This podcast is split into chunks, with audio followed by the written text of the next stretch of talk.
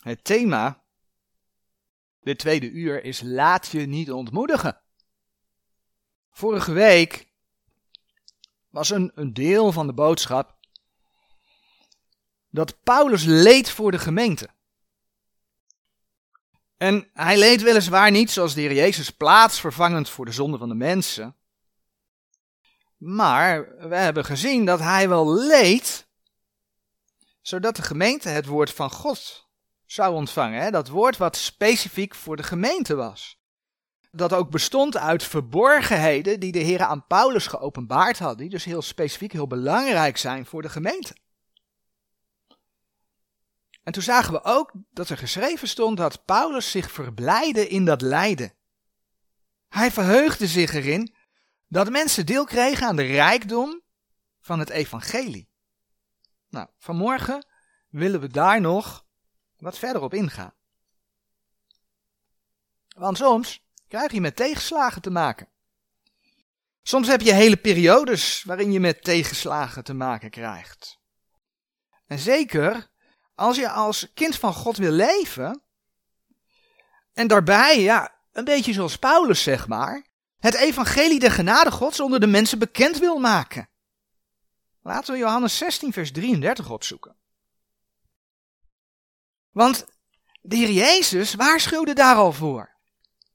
Toen hij nog op aarde was. Hij zei namelijk in Johannes 16, vers 33. Deze dingen, Johannes 16, vers 33. Deze dingen heb ik tot u gesproken, opdat gij in mij vrede hebt. In de wereld zult gij verdrukkingen hebben, maar hebt goede moed. Ik heb de wereld overwonnen. Enerzijds wordt je hier gewaarschuwd dat je verdrukking zult hebben. Ja, en dat is ook niet vreemd.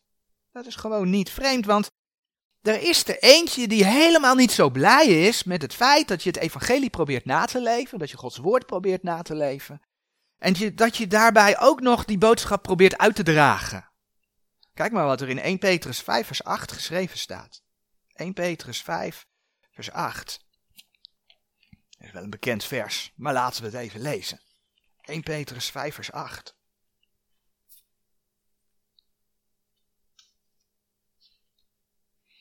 Zijt nuchter en waakt, want uw tegenpartij de duivel gaat om als een briesende leeuw, zoekende wie hij zou mogen verslinden. Ja, en dat wordt tegen gelovigen gezegd hoor. Het wordt in dit geval niet tegen de wereld gezegd. Zijt nuchter en waakt want uw tegenpartij de duivel. Ja, dat wijst wel op verdrukking. Anderzijds zei de heer Jezus wel dat je in hem vrede hebt. Ja, Johannes 16, vers 33 hebben we dat gelezen. Dat zagen we ook bij Paulus. Paulus leed, maar hij was wel blij. Ja, en dus, zo zei de heer Jezus dan ook, maar hebt goede moed. Dat komt uit Johannes 16, vers 33 maar hebt goede moed. Maar ja, als dan de ene tegenslag over de andere tegenslag gaat, ja, dan kan je dat wel ontmoedigen. Terwijl dat dus eigenlijk niet de bedoeling is, want de Heer Jezus zei, maar hebt goede moed. Weet je, en daarom is het goed om te zien wat de Heer daarover in zijn woord laat zien. Het is goed om te zien dat de Heer duidelijk maakt dat je als gelovige met tegenslag te maken krijgt. Dan kun je namelijk voorbereid zijn. Dan laat je je ook niet zo makkelijk uit het veld slaan. Niet dat het dan allemaal maar makkelijk is. Nee, het is niet altijd makkelijk. Maar je weet wel dat het erbij hoort. En daarbij is dan de vraag, ja, hoe ga je daar dan mee om? Hoe ga je daar dan mee om? Nou, voordat we naar een voorbeeld gaan kijken in het leven van Nehemia, lezen we eerst uit Psalm 143 een aantal versen. Eigenlijk is dat in het kort waar de boodschap over gaat.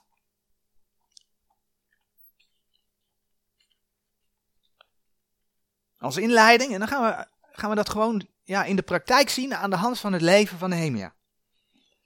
Maar dan lezen we eerst de vers in Psalm 143, vers 7 tot en met 10. Verhoor mij haastelijk, heren, mijn geest bezwijkt. Verberg uw aangezicht niet van mij, want ik zou gelijk worden degene die in de kuil dalen. Doe mij uw goede tierenheid in de morgenstond horen, want ik betrouw op u. Maak mij bekend de weg die ik te gaan heb, want ik hef mijn ziel tot u op. Red mij, heren, van mijn vijanden, bij u schuil ik. Leer mij uw welbehagen doen, want gij zijt mijn God. Uw goede geest geleide mij in een effen land. Weet je, soms kun je er als mens zo aan toe zijn dat je wel kunt uitroepen, Heere, mijn geest bezwijkt. Dat is wat we net in die psalm lazen. Maar het mooie is dat je hier ziet dat de psalmist, dat David, daar de Heere voor aanriep. David die sprak ondanks zijn benauwdheid, want daar spreekt die psalm ook over. David sprak ondanks zijn benauwdheid zijn vertrouwen uit in de Heere God. Hij vroeg hem om zijn goede tierenheid, zijn liefde aan hem te bevestigen, maar ook om hem duidelijk te maken welke weg hij moest gaan. En weet je, dat is precies de plaats waar je in tegenslagen moet zijn, bij de Heere God. Richt je op de Heere God. Zo hield ook Paulus stand. Hij bleef bij het woord van God. Voorbeelden van teksten die je daarbij op kunt zoeken, gaan we nu niet doen, maar dat is 2 Timotheus 3 vers 12 en 14. Hij bleef trouw aan de opdracht die hij had.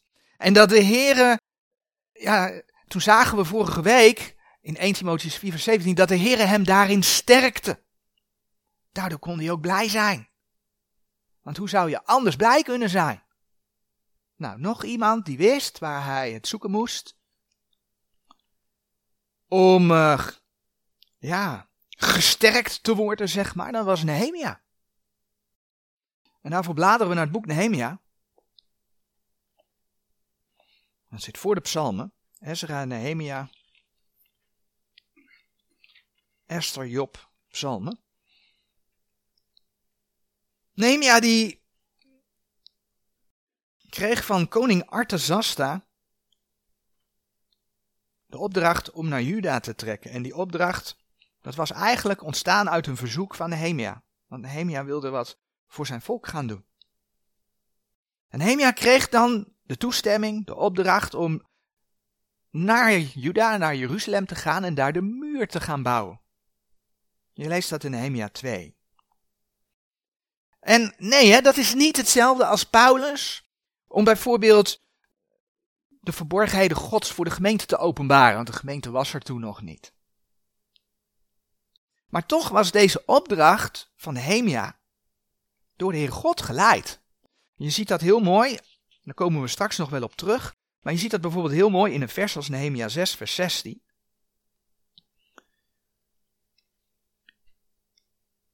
Dat gaat over de vijanden van Nehemia, daar gaan we zo over spreken. En dat laatste stukje van dat vers zegt dan, want zij merkten dat dit werk van onze God gedaan was. Nehemia had werk van God te doen. En waarom was het werk van God? Ja, het volk was in ballingschap, maar het volk moest terugkomen. En waarom moest dat volk terugkomen? Nou, de Heer had allerlei profetieën gedaan dat de Messias in Bethlehem geboren zou gaan worden. Dus de Heer was de geschiedenis aan het voorbereiden, zodat zijn woord verder in vervulling zou kunnen gaan naar een aantal jaren natuurlijk, want dat gebeurde toen niet direct. Maar Nehemia had dus een opdracht, eigenlijk dus een opdracht van de Heer God, want de Heer God had het zo geleid. Ja, en wat gebeurt er dan? Als je een opdracht van de Heer God hebt, dan stuit je op tegenstand. En daar kreeg Nehemia mee te maken. En dat begon al toen hij nog maar net gearriveerd was. Want in Nehemia 2 vers 10, daar lees je. In vers 9 lees je dat hij aankomt in Juda, bij de landvoogden. En dan lees je in vers 10. Toen nu Sanballat, de Horoniet, en Tobia, de Ammonitische knecht, dat hoorde, mishaagde het hun met groot mishagen dat er een mens gekomen was om wat goeds te zoeken voor de kinderen Israëls. Het mishaagde hen met groot mishagen. Oh, dat is duidelijke taal. Dat is duidelijke taal. Dus dat iemand Gods opdrachten uitvoert, leidt dus tot een groot mishagen bij de tegenpartij. Nou, weet je, dat wordt duidelijk als je de geschiedenis van Nehemia gaat, gaat lezen. En je komt het overigens ook in Ezra al tegen, het, het boek voor Nehemia. Maar we gaan ons vanmorgen met name bezighouden met Nehemia 4 en Nehemia 6. Allereerst werd men boos op Nehemia. Ze werden boos om, ja, omdat hij bezig ging met zijn opdracht. Kijk maar in Nehemia 4 vers 1. Maar het geschiedde als Sanballat gehoord had dat wij de muur bouwden, zo ontstak hij en werd zeer toornig en bespotte de Joden. Die boosheid die ging tot allerlei dingen leiden. Onder andere, en dat, dat lazen we hier al even, nou, dat lees je ook in de eerste drie versen van Nehemia 4, het leidde tot spot. Ze maakten de Joden belachelijk. En eigenlijk ging men ervan uit dat ze het werk toch niet nabehoren kon doen. Maar Nehemia liet zich niet door spot ontmoedigen. In Nehemia 4 vers 6 lees je het volgende. Doch wij bouwden de muur, zodat de ganse muur samengevoegd werd tot zijn helft toe. Want het hart des volks was om te werken. Gaan jullie maar lekker door met je spotternijen. Wij zijn met onze opdracht bezig. Ja, je snapt het al, dat maakte dat de vijand nog bozer werd. En het volgende waar Nehemia mee te maken kreeg, was dat ze een samenzwering maakten om de regelrechte confrontatie met Nehemia en het volk aan te gaan. Men was uit op oorlog. Dat kun je lezen in Nehemia 4 vers 8. En vervolgens lees je in, in Nehemia 4 vers 10 tot en met 23 dat er eigenlijk een voortdurende dreiging was tot aan moord toe. En toch ging het werk door. Dan bladeren we naar Nehemia 6. Althans, bij mij is dat op dezelfde bladzijde, maar goed. Toch ging het werk door. En je snapt het wel. Dat vond vijand niet zo fijn. Kijk maar in Nehemia 6 vers 1. Voorts is het geschied als van Samballat en Tobia en van Gesem de Arabier en van deze en van onze andere vijanden gehoord was dat ik de muur gebouwd had en dat geen scheur daarin was overgelaten. Ook had ik tot deze tijd toe de deuren niet opgezet in de poorten. Lezen we even verder in vers 2. Zo zond Sanballat en Gesem tot mij om te zeggen, kom en laat ons tezamen vergaderen in de dorpen in het dal Ono. Maar zij dachten mij kwaad te doen. Ze waren er niet zo blij mee dat Nehemia het werk had voortgezet. En ze zochten dus een andere manier om, ja, zoals we gaan zien, het werk te stoppen. We hebben net vers 2 gelezen. Ik lees hem nog een keer. Zo zond Sanballat en Gesem tot mij, om te zeggen, kom en laat ons tezamen vergaderen in de dorpen in het dal Ono. Maar zij dachten mij kwaad te doen. Ze waren eigenlijk uit op een soort van vredesproces. He, zogenaamd samen vergaderen. Maar ondertussen maakte men boos plannen. En we kennen dat wel van de vredesprocessen vandaag de dag tussen Israël en de Palestijnen. De Palestijnen willen helemaal geen vrede maar gebruiken elk middel om hun eigen doel te bereiken. Je ziet dat ook in de kerkelijke wereld door middel van de ecumene. Men streeft zogenaamd naar een eenheid, waarmee men op zich ook nog een bijbels doel heeft, want de Heer zegt in zijn woord dat hij eenheid wil onder zijn kinderen. Mooi hè? Dus ze gebruiken Gods woord, maar het is niet de bijbelse eenheid. Want ze misbruiken het om te streven naar een eenheid ten koste van de waarheid. Men ontneemt je Gods woord. Men ontneemt je alle zicht op zijn woorden, maar ook op zijn plan. Ja, want die wereld moet klaargestoomd worden voor de macht van de grote hoer, hè? openbaring 17, voor de macht van de antichrist. En als je dat zo bekijkt, als je dan Hemia leest, als je dan aan de toekomst denkt, is helemaal niets nieuws onder de zon. Er is niets nieuws onder de zon. De vijand gebruikt gewoon zijn tactieken. Maar Nehemia, Nehemia gaf geen gehoor. Kijk maar in Nehemia 6 vers 3. En ik zond boden tot hen om te zeggen, ik doe een groot werk, zodat ik niet zal kunnen afkomen. Waarom zou dit werk ophouden, terwijl ik het zou nalaten en tot u afkomen? dan zie je dat die vijand soms heel volhardend kan zijn. Want in vers 4 lees je dat op dezelfde wijze Nehemia viermaal benaderd werd. Poging 1 lukte niet, nou, poging 2. Poging 2 lukte niet, poging 3. Poging 3 lukte niet, poging 4. Werkte ook niet, poging 5. Want in het volgende vers lees je dat toen dat nog niet werkte, dat er een brief geschreven werd. Dat is vers 5. Er werd een brief geschreven met valse beschuldigingen. En ja, die beschuldigingen die dreigde men dan ook nog eens een keer wereldkundig te maken. Hè, naar de koning te sturen. Want Nehemia zou opzetten tot rebellie en zich door profeten laten uitroepen tot koning. En daarmee probeerden ze, dat lees je in Nehemia 6, vers 6 en 7, probeerden ze hem onder druk te zetten. Want ja, je moet zo iemand wel dwingen om jouw wil te doen, toch? Zo denkt men dan. Zegt men niet, maar zo denkt men. Maar let op het antwoord van Nehemia in vers 8. Doch ik zond tot hem om te zeggen: Er is van zulke zaken, als gij zegt, niets geschied. Maar gij versiert ze uit uw hart. De een of andere manier vind ik dat een hele mooie opmerking. Gij versiert ze uit uw hart. Oftewel, het waren gewoon leugens. Het was achterklap, het was laster. Nou, vervolgens lees je nog in Nehemia 6, vers 10 tot en met 14, dat hij onder doodsbedreiging verleid werd om voor zichzelf bescherming te zoeken op een plaats waar hij niet hoorde. Hij werd namelijk gevraagd om te gaan schuilen in de tempel. In Nehemia 6, vers 11 lezen we zijn antwoord. Maar ik zeide, zou een man als ik vlieden? Hè, zou een man als ik vluchten? En wie is er, zijnde als ik, die in de tempel zou gaan, dat hij levend bleef? Ik zal er niet ingaan. Nehemia was namelijk geen priester. En wat bleek? De profeet was een valse profeet en was door de vijand gehuurd om Nehemia in discrediet te brengen. Dat is Nehemia 6, vers 11 en 12. En als laatste lees je nog dat er heel wat brieven geschreven zijn over Nehemia, aan en door zijn vijanden. Nehemia die deed een opdracht van God. En er werden heel wat over hem geroddeld. Nehemia 6, vers 17 tot en met 19. Wauw. Dat is een hele lijst. Staat hier zo op de dia. Al die punten zijn we langsgelopen. Dat is een hele lijst. En dan moet je beseffen, Nehemia 6 vers 15, dat die muur in 52 dagen volbracht werd. We hebben het hier niet over een paar jaar, hè?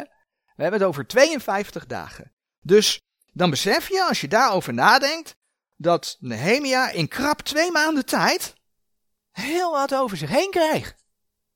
En wat was het doel? Wat was het doel daarvan? Het doel was om hem bang te maken.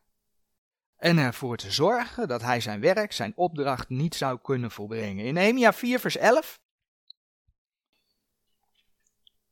Onder de voortdurende dreiging. Daar lees je, Nehemia 4 vers 11. Daar lees je, nu hadden onze vijanden gezegd, zij zullen het niet weten nog zien, totdat wij in het midden van hen komen en slaan hen dood Alzo zullen wij het werk doen ophouden. Dat is dus de bedoeling, het werk moet stil komen te liggen.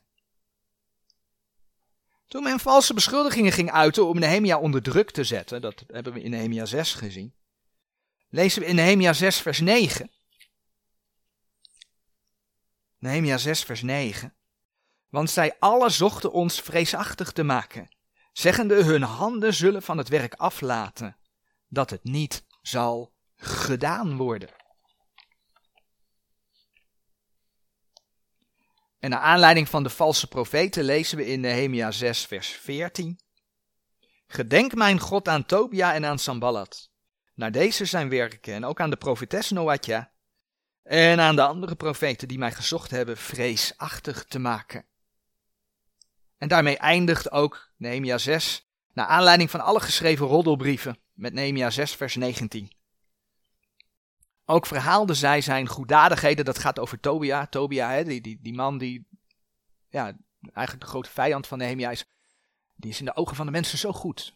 Die is zo goed. Ook verhaalden zij zijn goeddadigheden voor mijn aangezicht en mijn woorden brachten zij uit tot hem. Tobia dan zond brieven om mij vreesachtig te maken. Alles was erop gericht om de dienstknecht die het werk van God deed, om die bang te maken. En het liefste ook het volk wat met hem was. Om ze bang te maken. Waarom? Zodat het werk zou stoppen. Dat was het doel. Het doel waar, zo gezegd, nou, in 52 dagen tijd, we hebben dat lijstje gezien, alle middelen vooruit de kast getrokken werden. Alle middelen. En dan komt de vraag, hoe reageerde Nehemia? Het resultaat was in elk geval dat die muur in 52 dagen gereed was. Nou, daaraan mag je zien dat Nehemia behoorlijk standvastig was. Want hij ging door met zijn taak. Hij ging gewoon door. En dan is de vraag, deed hij dat in eigen kracht? Nee, dat deed hij niet in eigen kracht. Laten we kijken hoe Nehemia met alle tegenslagen omging. In, uh, we blijven in Nehemia hoor, maar in Psalm 143 vers 8 hebben we vanmorgen gelezen dat David zei, want ik hef mijn ziel tot u op. In de benauwdheid zocht David de Heere. Nou, dat is exact wat je Nehemia in deze hoofdstukken ook ziet doen. Reeds in het begin, en dan gaan we dus weer terug naar Nehemia 4. Reeds in het begin. Toen er alleen nog maar sprake was van spot, ging Nehemia in gebed. Tot de Heere God. Nehemia 4, vers 4. Daar zie je dat. Hoor, o onze God. Nehemia ging bidden. Toen de dreiging van de regelrechte strijd begon, lees je in Nehemia 4 vers 9. Nehemia 4 vers 9. Maar wij baden tot onze God en zetten wacht tegen hen dag en nacht, halve. Ja, ze bereidden zich voor op een strijd, maar dat deden ze niet voordat ze gebeden hadden. Ze gingen eerst in gebed. Over het moment dat de valse beschuldigingen kwamen, en dan bladeren we weer door naar Nehemia 6. Om Nehemia onder druk te zetten, lezen we in Nehemia 6 vers 9. Nehemia 6 vers 9. Want zij alle zochten ons vreesachtig te maken, zeggende hun handen zullen van het werk aflaten, dat het niet zal gedaan worden. Dat hadden we al gelezen. Maar kijk hoe dat vers verder gaat. Nu dan sterk mijn handen. Dat laatste stukje was een gebed van Nehemia. Hij zag wat er gebeurde. Maar hij kon dat zelf niet ongedaan maken. Hij kon er niks aan doen. Dat gebeurde, dat kwam op hem af. Maar hij bad tot de Heere. Nu dan, sterk mijn handen. Hij vroeg om kracht om zijn opdracht te vervullen. Nou, en dan lees je in Nehemia 6 vers 14, waar onder andere sprake was van de valse profeten. Dan lees je dat Nehemia opnieuw bad. Nehemia 6 vers 14, gedenk mijn God. Hij bad tot God. Nehemia was continu in gebed. Hij bracht zijn noden bij de Here. Hij bad tegen de kwade plannen van zijn vijanden. En hij vroeg de Heere om zijn taak, om hem te sterken voor zijn taak. Om dat te kunnen doen.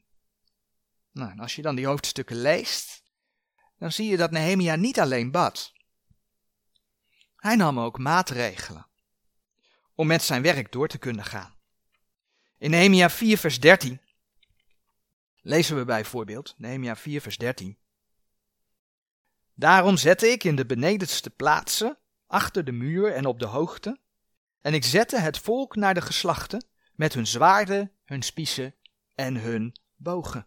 Hij was strijdbaar. Hij wist dat er wat kon gebeuren. Hij beschermde zijn mensen. En daarmee beschermde hij het werk dat moest gebeuren. Want ja, als zijn medewerkers gedood zouden worden door de vijand, dan lag het werk stil. Nou, bij dat alles vertrouwde Nehemia op de Heere God. In Nehemia 4 vers 14 lezen we, het tweede deel van dat vers, Vrees niet voor hun aangezicht, Denkt aan die grote en vreselijke heren en strijd voor uw broederen, uw zonen en uw dochters, uw vrouwen en uw huizen. Vrees niet. En denkt aan die grote en vreselijke heren. Ja, de Heere God die beloofde het volk Israël reeds bij de uittocht in Egypte. Je kunt dat vinden in Exodus 14 vers 14. De Heere zal voor jullie strijden en gij zult stil zijn. Nehemia liet het daadwerkelijk aan de Heere God over. Hij nam maatregelen, maar hij vertrouwde op de Heere God. En dat is wat Nehemia dus in, in Nehemia 4 vers 20 zijn mensen ook voorhield. In vers 20 lees je het laatste stukje. Onze God zal voor ons strijden. Nehemia wist dat hij Gods opdracht deed. En daarom wist hij dat de Heer hem zou helpen. En hij vertrouwde dus compleet op de Heere God. Ja, en doordat hij op de Heere God vertrouwde, was hij ook standvastig. Hij ging niet argumenteren met de vijand. Hij ging niet in debat. Want wat men wilde, dat is heel modern, hè? Dat ik noemde het voorbeeld van de Palestijnen en Israël. Wat men wil is een dialoog. En een dialoog is bedoeld zodat beide partijen water bij de wijn gaan doen. En we hebben al gelezen dat op de achtergrond wilden ze liever rigoureuzere maatregelen. Nou, dat weten we ook van de Palestijnen. Die willen ook veel rigoureuzere maatregelen dan alleen een beetje water bij de wijn. Nee, Nehemia deed dat niet. Die ging, die, die ging niet in debat. Die ging niet argumenteren. In Nehemia 6 vers 3 hebben we gelezen. En ik zond boden tot hen om te zeggen, ik doe een groot werk, zodat ik niet zal kunnen afkomen. Waarom zou dit werk ophouden, terwijl ik het zou nalaten en tot uw lieden afkomen? Nehemia sloot geen compromis met de wereld, zelfs niet toen profeten, waaronder ook een vrouw, waarschijnlijk in de naam van de Heere, want zo ging dat met de valse profeten, dat lees je op verschillende plekken in, in, in de Bijbel, hem probeerde over te halen. Dat lees je aan het eind van Nehemia 6. Ook toen maakte hij geen compromis. Nehemia bleef trouw aan de opdracht van zijn God. Een God die trouw is. Het mooie wat je hier doorheen ziet, is dat Nehemia ook niet gericht was op zijn vijanden. Nehemia was ook niet gericht op zijn tegenslagen. Ja, hij nam acties die hij moest nemen, maar Nehemia was gericht op de opdracht van de Heere God. En wat was het resultaat? Vers 15 van Nehemia 6, dat die muur af was na 52 dagen. Het werk was gereed. En dan is het ook zo mooi om te lezen dat niet Nehemia vreesde, maar dat zijn vijanden gingen vrezen. Kijk maar in Nehemia 6 vers 16. Nehemia 6 vers 16. En het geschiedde, als al onze vijanden dit hoorden, zo vreesden al de heidenen die rondom ons waren, en zij vervielen zeer in hun ogen. Want zij merkten dat dit werk van onze God gedaan was. Is dat nou niet mooi?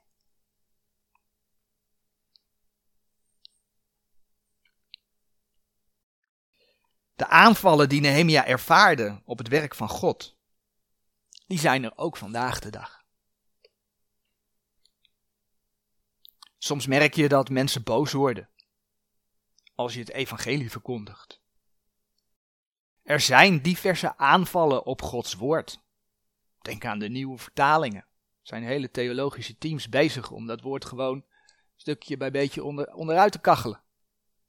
Lukt ze niet, want God heeft gezegd: Ik bewaar mijn woord voor jullie. Dus dat woord blijft beschikbaar. Is een belofte van de Heere God. Christenen wordt het soms moeilijk gemaakt in de maatschappij. In veel landen is er heuse vervolging, soms zelfs heftige vervolging. Alleen maar omdat je een kind van God bent. Maar het komt ook heel dichtbij. Namelijk omdat de vijandelijke tactieken, bewust of onbewust, zeg ik heel nadrukkelijk, bewust of onbewust, ook onder christenen toegepast worden. Je komt het ook onder bijbelgelovigen tegen. Ook in bijbelgelovige kring hoor je soms het argument vallen. Ja, maar we moeten wel één zijn. En dan wordt niet de eenheid binnen de bijbelgelovige gemeente bedoeld. Nee, dan gaat het toch ook wel om de andere stromingen en de leren. Ja. En zo kun je aan dat lijstje van Nehemia, aan de oorzaken van de aanvechtingen van Nehemia, kun je nog veel meer dingen toevoegen. Ik noem er een aantal. Egoïsme. Geldgierigheid. Trotsheid. Ongehoorzaamheid. Ondankbaarheid. Verraders. Opgeblazenheid. En ik ben niet compleet. En als je denkt dat ik dit uit mijn duim zuig, nee, dat komt uit 2 Timotheus 3, vers 1 tot en met 5, over de laatste dagen. Zo zullen de mensen zijn. En we leven in die tijd. Maar dat soort dingen leidt wel tot strijd voor degenen die zich aan Gods woord willen vasthouden. Voor degenen die zich aan Gods opdracht willen vasthouden. Ja, ook in christelijke kring kom je tegen dat er tussen broeders en zusters over elkaar geroddeld wordt.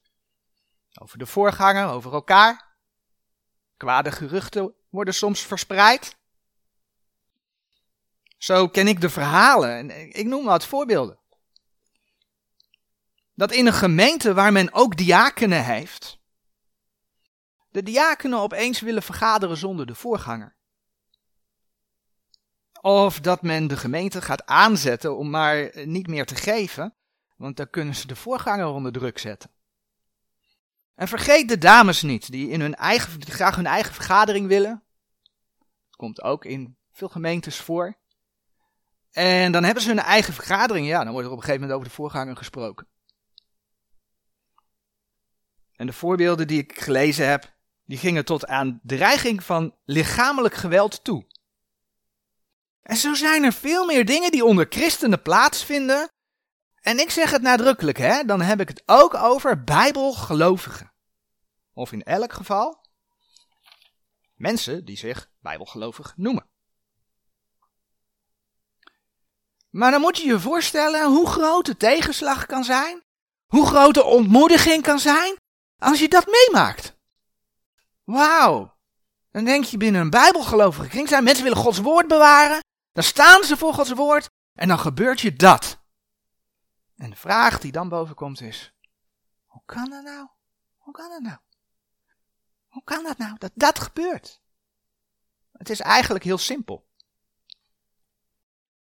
Heel simpel als je denkt aan het voorbeeld over de troon van het hart, waar ik het vorige week over had. Ik heb de plaatjes en een deel van de dia van vorige week er weer bij, met wat andere teksten erbij die we zo gaan opzoeken. Weet je wat het is? Niet iedere christen, eh, dus ook niet iedere bijbelgelovige christen, heeft de Heer Jezus op de troon van zijn of haar hart zitten. En daar is eigenlijk alles mee gezegd. Want als je zelf op de troon van je hart zit, dan kunnen de meest vreemde dingen gebeuren. Vanuit bijvoorbeeld je vlees, je oude mens, maar ook door de boze die je verleidt. Kijk maar wat de Heer in Jeremia, Jeremia 17 vers 9, zegt over een hart dat niet onder controle van de Heer staat. Jeremia 17 vers 9. Jeremia 17 vers 9. Arglistig is het hart. Meer dan enig ding, ja dodelijk is het. Wie zal het kennen? Dodelijk is het. Wauw. De Heer Jezus zei in, in Matthäus 15, vers 19. Matthäus 15, vers 19. Want uit het hart komen voort boze bedenkingen, doodslagen, overspelen, hoererijen, dieverijen, valse getuigenissen, lasteringen. Dus als de Heer Jezus niet op de troon van je hart zit, als je de verkeerde keuze maakt, weet je, ik zeg niet dat dat in alle gevallen zo is, hè? Of dat iedereen alles doet. Maar dan loop je het risico, want ja, de Heer Jezus zit niet op de troon, maar jij, met je lekkere vlees, dan loop je dus risico dat je gaat roddelen. Dat je valse beschuldigingen gaat uiten. Dat je gaat liegen. Leugentjes om best wel zijn namelijk ook leugens. Dat je gaat liegen zoals het jou het beste uitkomt. dat je tot compromissen gaat aanzetten. Dat je misschien wel gaat spotten of een fysieke confrontatie aangaat. En zo zijn er dus meerdere redenen waarom er op persoonlijk vlak, in het persoonlijk leven of gemeenteleven, tegenslagen kunnen zijn. En misschien wel bewust, maar misschien ook wel onbewust. Als je de Jezus niet op, je hart, op de troon van je hart hebt, word je een instrument in de hand van de boze voor een poging om het werk van God te stoppen. En de Heere waarschuwt niet voor niets dat velen anders wandelen. Laten we naar Filippenzen bladeren, Filippenzen 3, vers 17 en 18.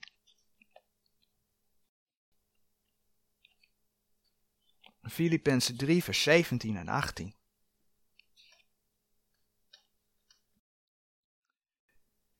Waar je leest dat degenen die anders wandelen, daardoor vijanden van het kruis van de Heer Jezus zijn.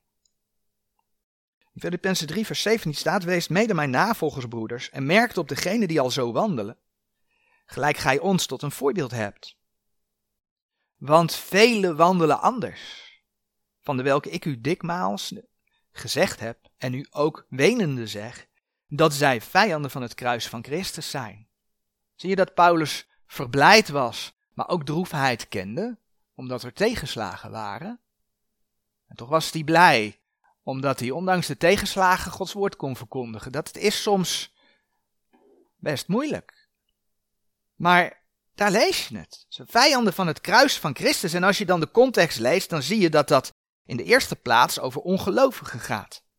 Maar ook gelovigen kunnen wandelen als vijanden van het kruis van de Heer Jezus. Dan geloven ze wel in de Heer Jezus. Maar ja, dat vlees voor gekruisigd houden. Nee, want ik zit op de troon. Is veel te lekker om op de troon te zitten.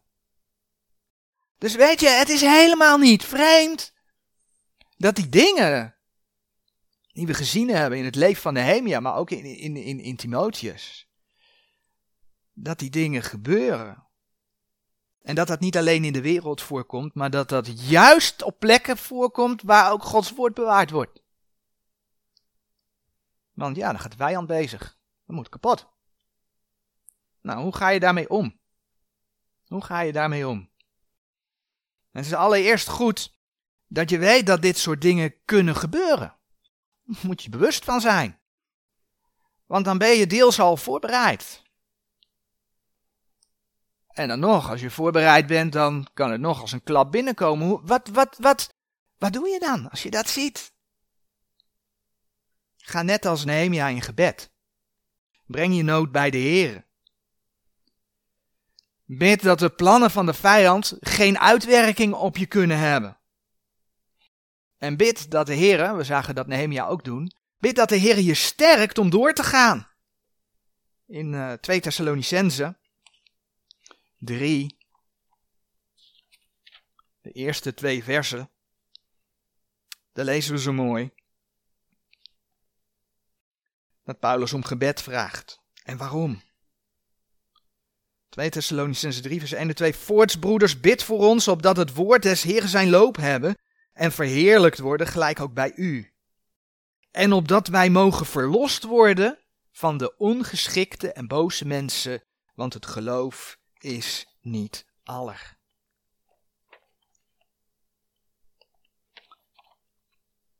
Bid maar wees ook voorbereid. Wees strijdbaar.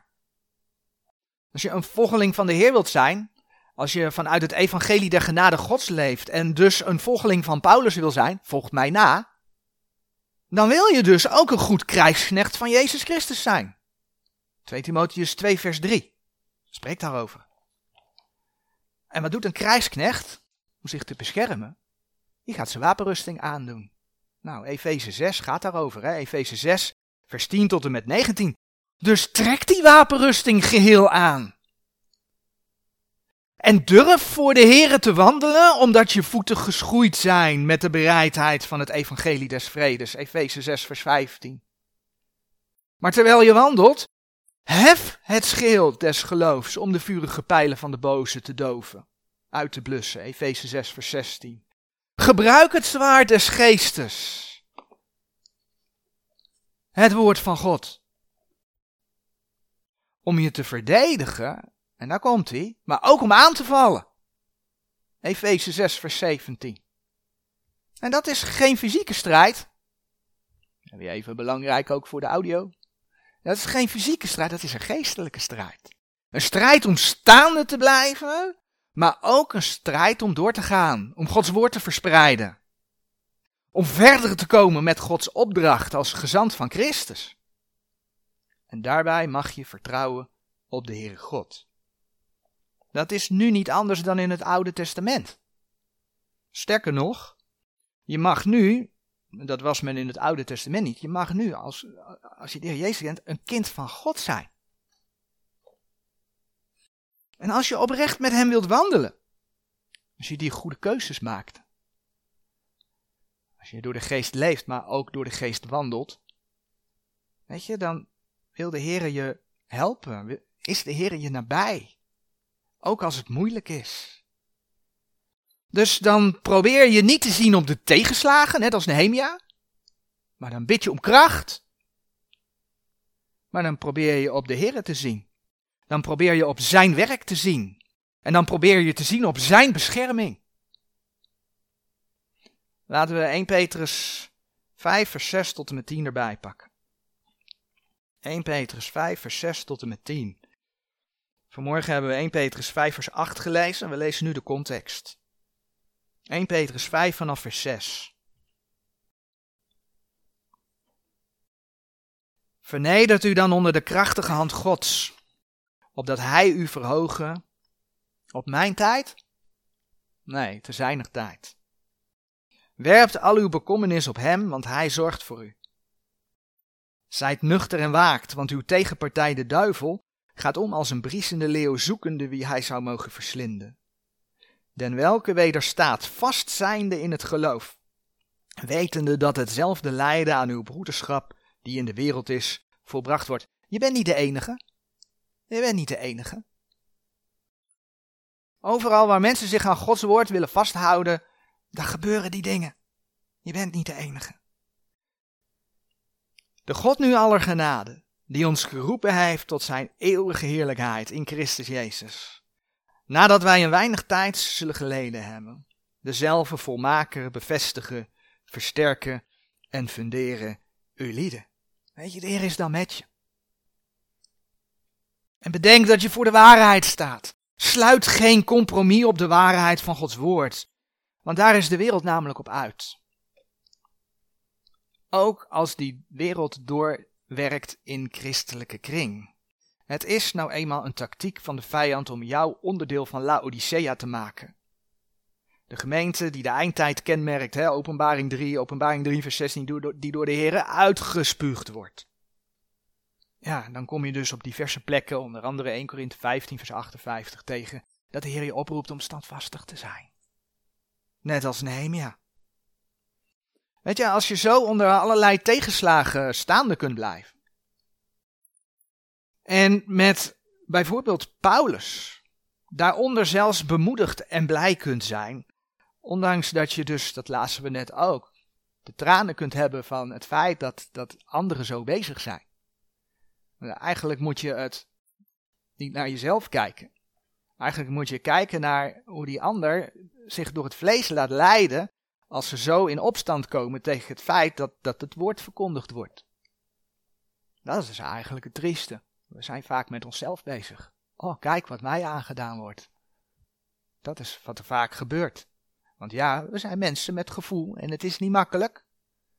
Maar eigenlijk, als je erover nadenkt in het kader van Gods woord, is het voor de partij die die klappen uitdeelt, is eigenlijk veel treuriger. Eigenlijk veel treuriger. Dus als je zo onder allerlei tegenslagen kunt staande blijven en met bijvoorbeeld Paulus daaronder zelfs bemoedigd en blij kunt zijn, omdat Gods woord doorgang vindt. Weet je, dan krijg je ook de moed van de Heer om door te gaan. Dan kun je, ondanks dat je voorbereid en waakzaam bent, want je bent alert, je weet dat er dingen kunnen gebeuren, je weet het, kun je toch goed doen. Dan kun je toch goed doen. En dat is ook wat de Heer vraagt. Kijk maar in Gelaten 6 vers 9. Galaten 6, vers 9. In het kader van Nehemia die de muur bouwde. Paulus die de boodschap bracht. Ondanks de strijd, ondanks, ondanks het leed. Dan kun je goed doen. Galaten 6, vers 9. Vers sluiten we mee af. Doch laat ons goeddoende niet vertragen. Houd er niet mee op. Ga ermee door. Niet vertragen.